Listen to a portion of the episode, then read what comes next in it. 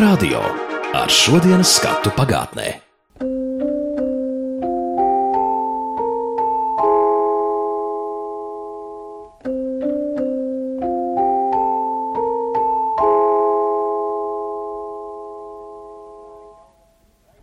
Runā jaunatnes raidstacija Dzirkstele. -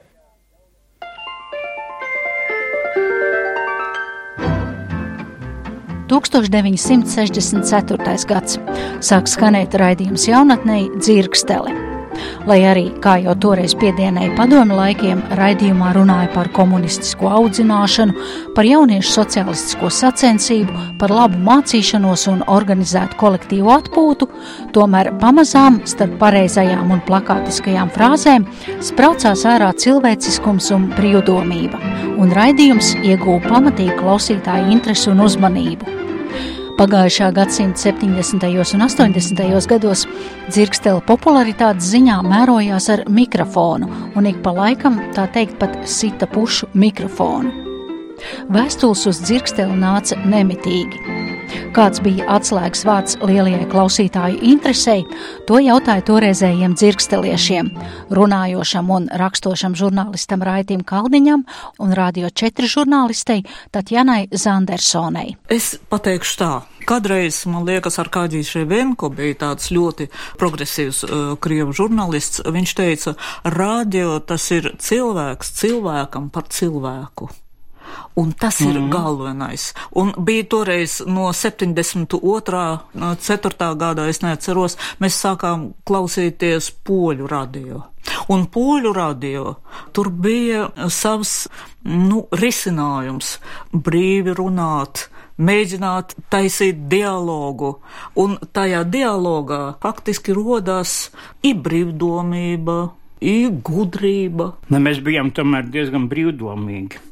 Arī savos Nu. izteikumos, kas bija radio O, koridoros, nu, bija šim piesardzīgāk, protams, ēterā, ja, bet arī. Jā, mums bija cenzors, tu atceries? Jā, man bija tas gods bieži vien tos atšifrējumus rakstīt, par ko būs. Un es to tik smuki rakstīju un iepienu kongresa lēmumu gaismā tā un tā. Un vienreiz galvenā redaktora aizapīta teica, Raiti, ja jums būtu tik labi raidījumi, kādi ir plāni, tad būtu lieliski.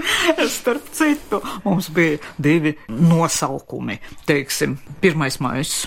Kādi raidījumi būs? Plāni bija, mēs sastādījām katru nedēļu pa dienām, un, teiksim, pirms māja, oktobra vējš, māja karogos. Oktobrī atkal māja vējš, oktobra karogos, vai kā citādi. Tomēr, Bet to tomēr mūsu bija- attieksmi jau varēja just divas minūtes, teiksim, kongresa lēmumu gaismā, jā, un pārējais no sirds uz sirdi. Mēs jau savu attieksmi varējām parādīt, jo, teiksim, bija par pārtiks programmu, kuras partijas cekas plēnuma lēmumos bija lieliski atskārsme, ka, teiksim, lauksaimniecībā, lai pacelt izlaukums, vajag labi barot govs.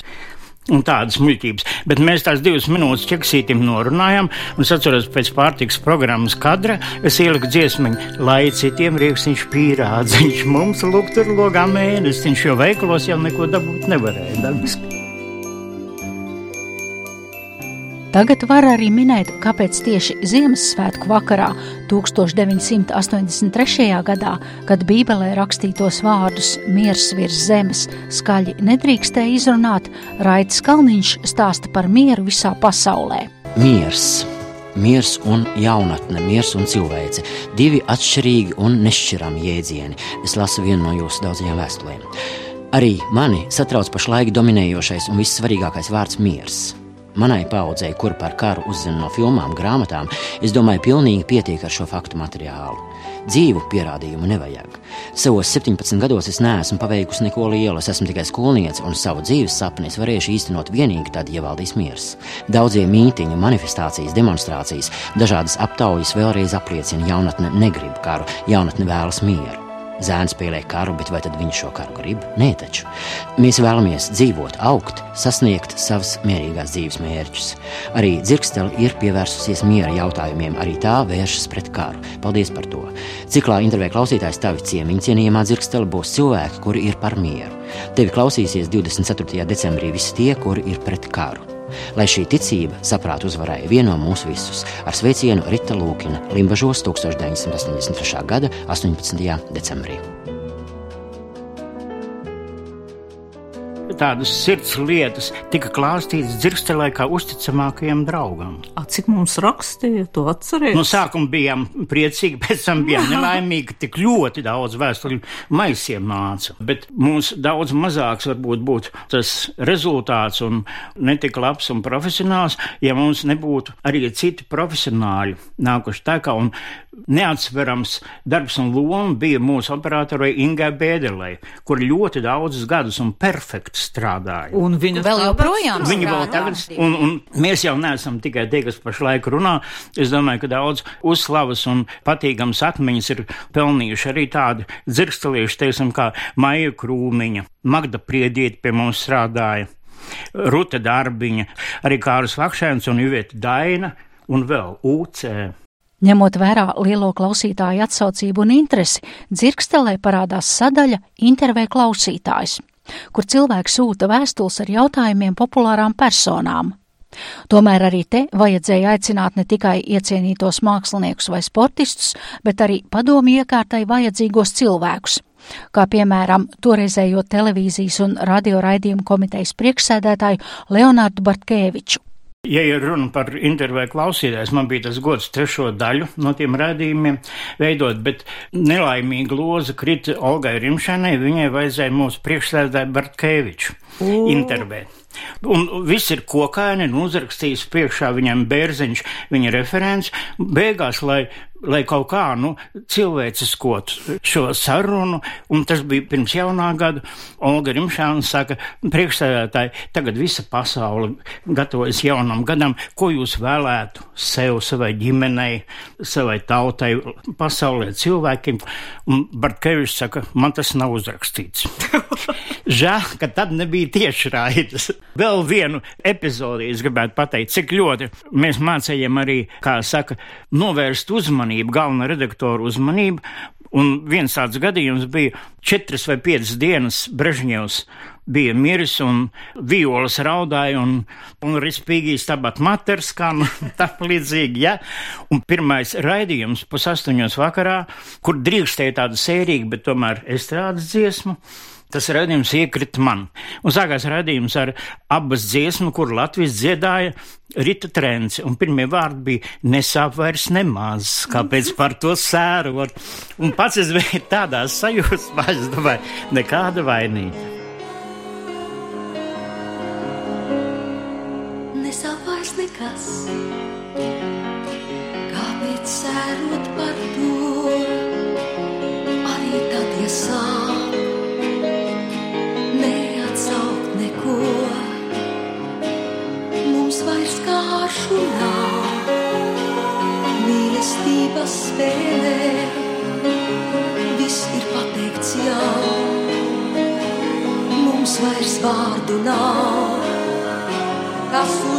serviço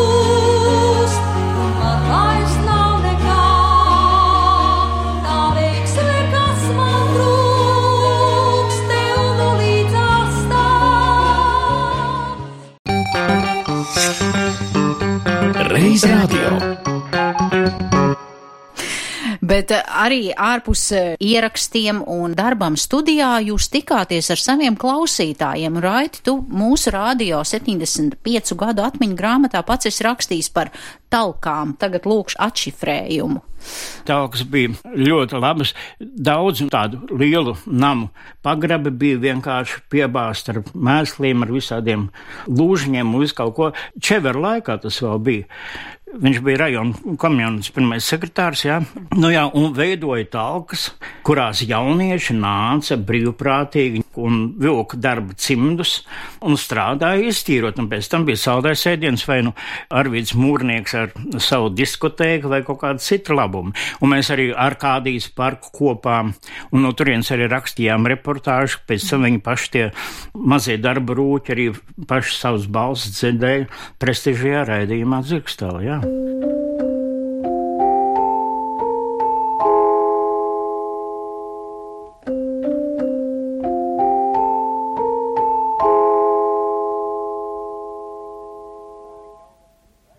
runā jaunatnes raidstacija Dzirkstele. Tā dzirkstele skanēja 60. gados. un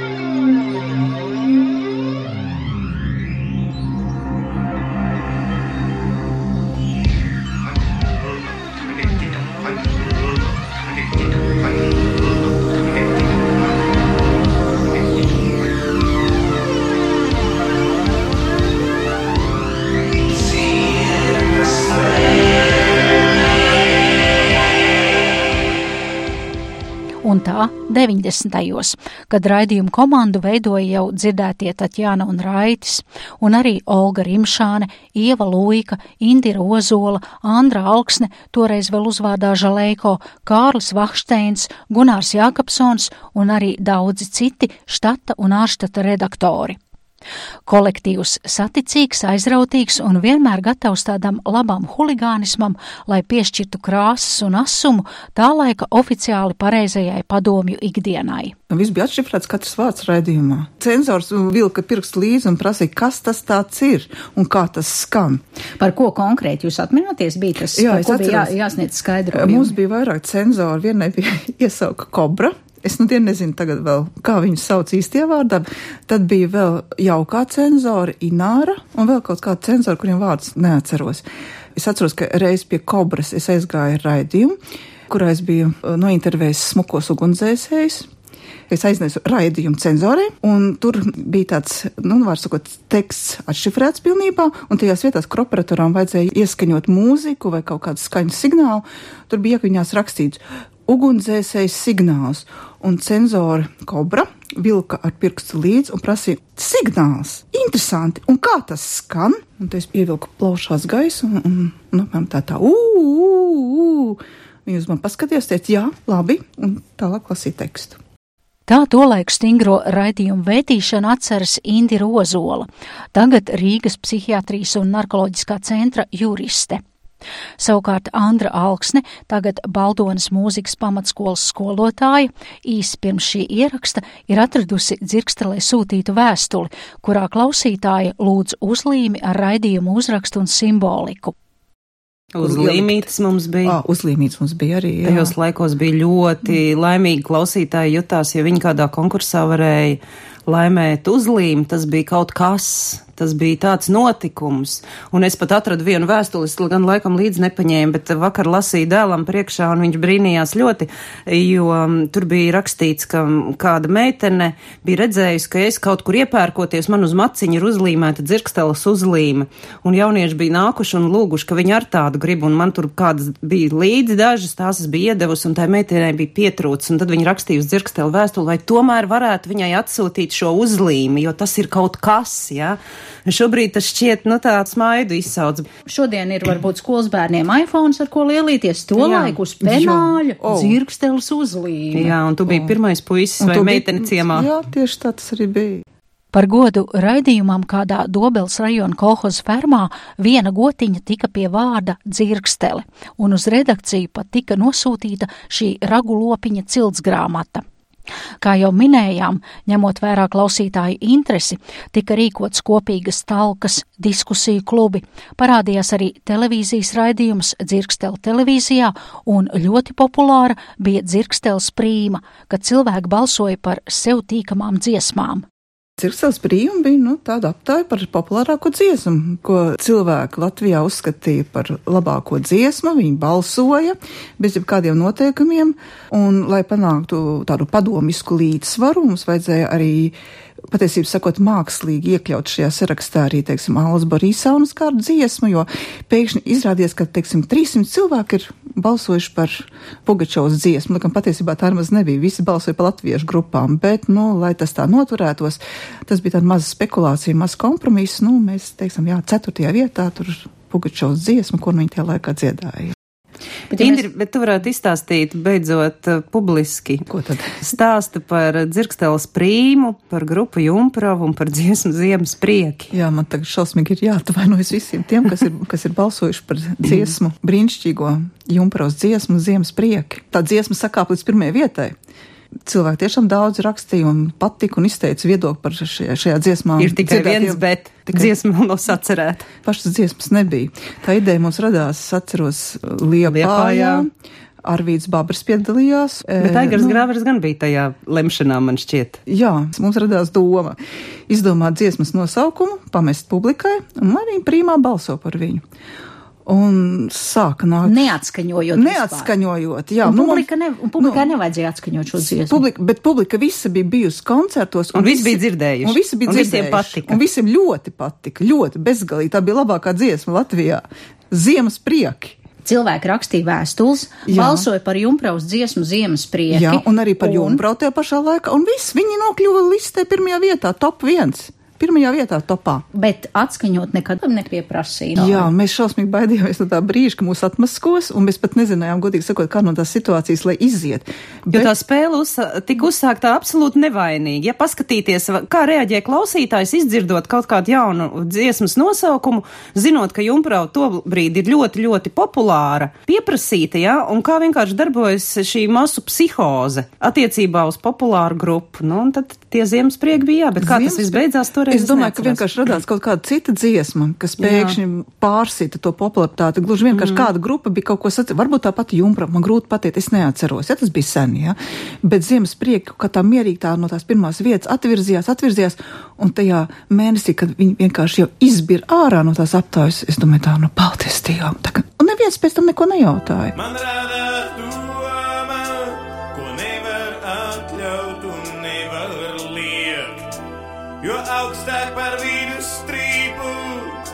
ar viņu neaizsniegt. Liels bija man prieks, ka neesmu savā domā viens. Tik liels bija man radniecīgo pulks. Jāatceras, ka pirms nepilniem 30 gadiem pieejamais dziesmu klāsts nebija ne tik plašs, ne arī paši skaņdarbi tik viegli iegūstami. Lai pirmie varētu atskaņot kādu tolaik populārs pašmāju grupas dziesmu, dzirkstelieši liek lietā izdomu un viltību. Es biju tētim izlūgusies, ka man ir lielais Jupiter lentu magnetofons milzīgais. Katrā ziņā bija tāds pieklājīgs magnetofons. Un tad bija līvu koncerts Z studijā, kuru toreiz ierakstīja un uh, neļāva atskaņot, un tur bija kaut kādas peripetijas ar viņiem, bet no šī koncerta beigās skanēja dziesma meitene Zeltene. Un tad, kad beidzot šo koncertu parādīja, arī 87. 88. gads, tad es mājās eh, magnetofonu pie televīzora klāt, tad es šo meiteni zelteni hop ierakstīju savā magnetofonā, pēc tam atnesu lēntu uz radio, lejā pārkopēju, un mēs raidījām raidījumā no televīzijas ar uh, sadzīves šādu te magnetofonu ierakstītu meiteni zelteni, un skanēja mums raidījumos meiteni zelteni. Līva paši brīnījās, kā tā dziesma ir nonākusi radio, jo viņi taču tā kā tikai televīzijā bija spēlējuši, bet mums bija tā dziesma.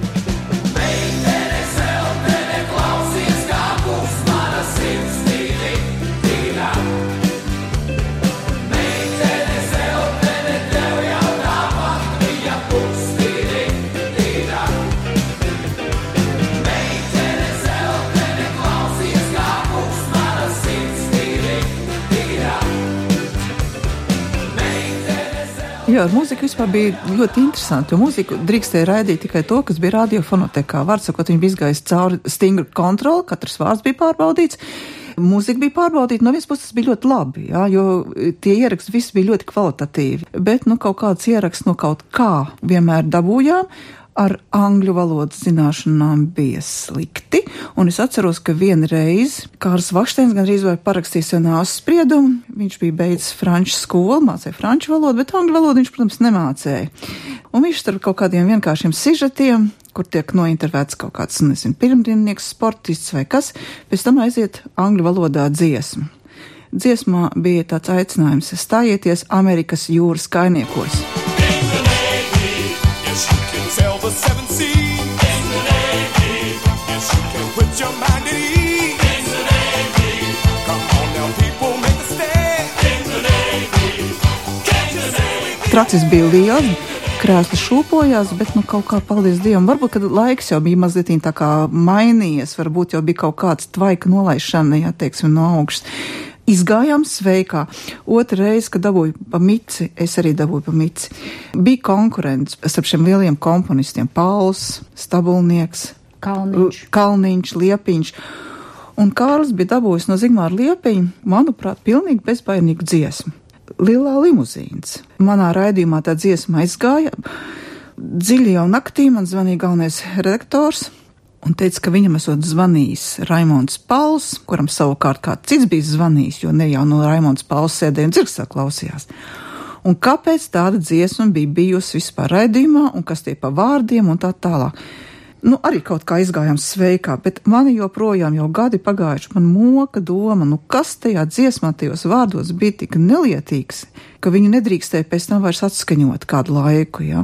Nu, varbūt tur vienīgais bija tas, ka... Limuzīns, nu, limuzīns tas kā tu varbūt Dievs. kaut kas ļoti buržāzisks un Es atceros, lielā limuzīna zied kā lilija saurupmājas dārziņā. Saurupmāja nedrīkstēja būt Nē, padomu ā, laikos. Nē, tur vēl bija vārdi, kā lasot avīzi, tam sejā smīns, nu, mīļā stundiņa. Nu, ja viņš lasa cīņu to laiku. Un, Un saurupmājā, un smīna. Labi, viņam nav. ir limuzīns. Bet varbūt, ka, bet varbūt, ka viņš lasa filetonu par buržāsko iekārtu, un tad viņš var smīnēt.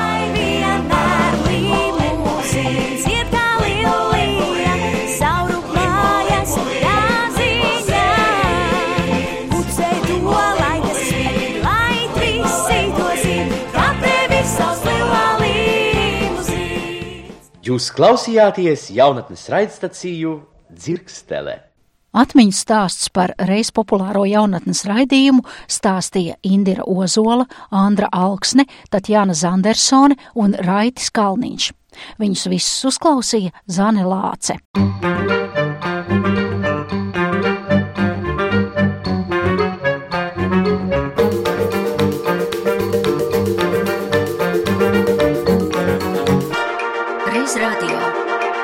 Reiz radio ar šodienas skatu pagātnē.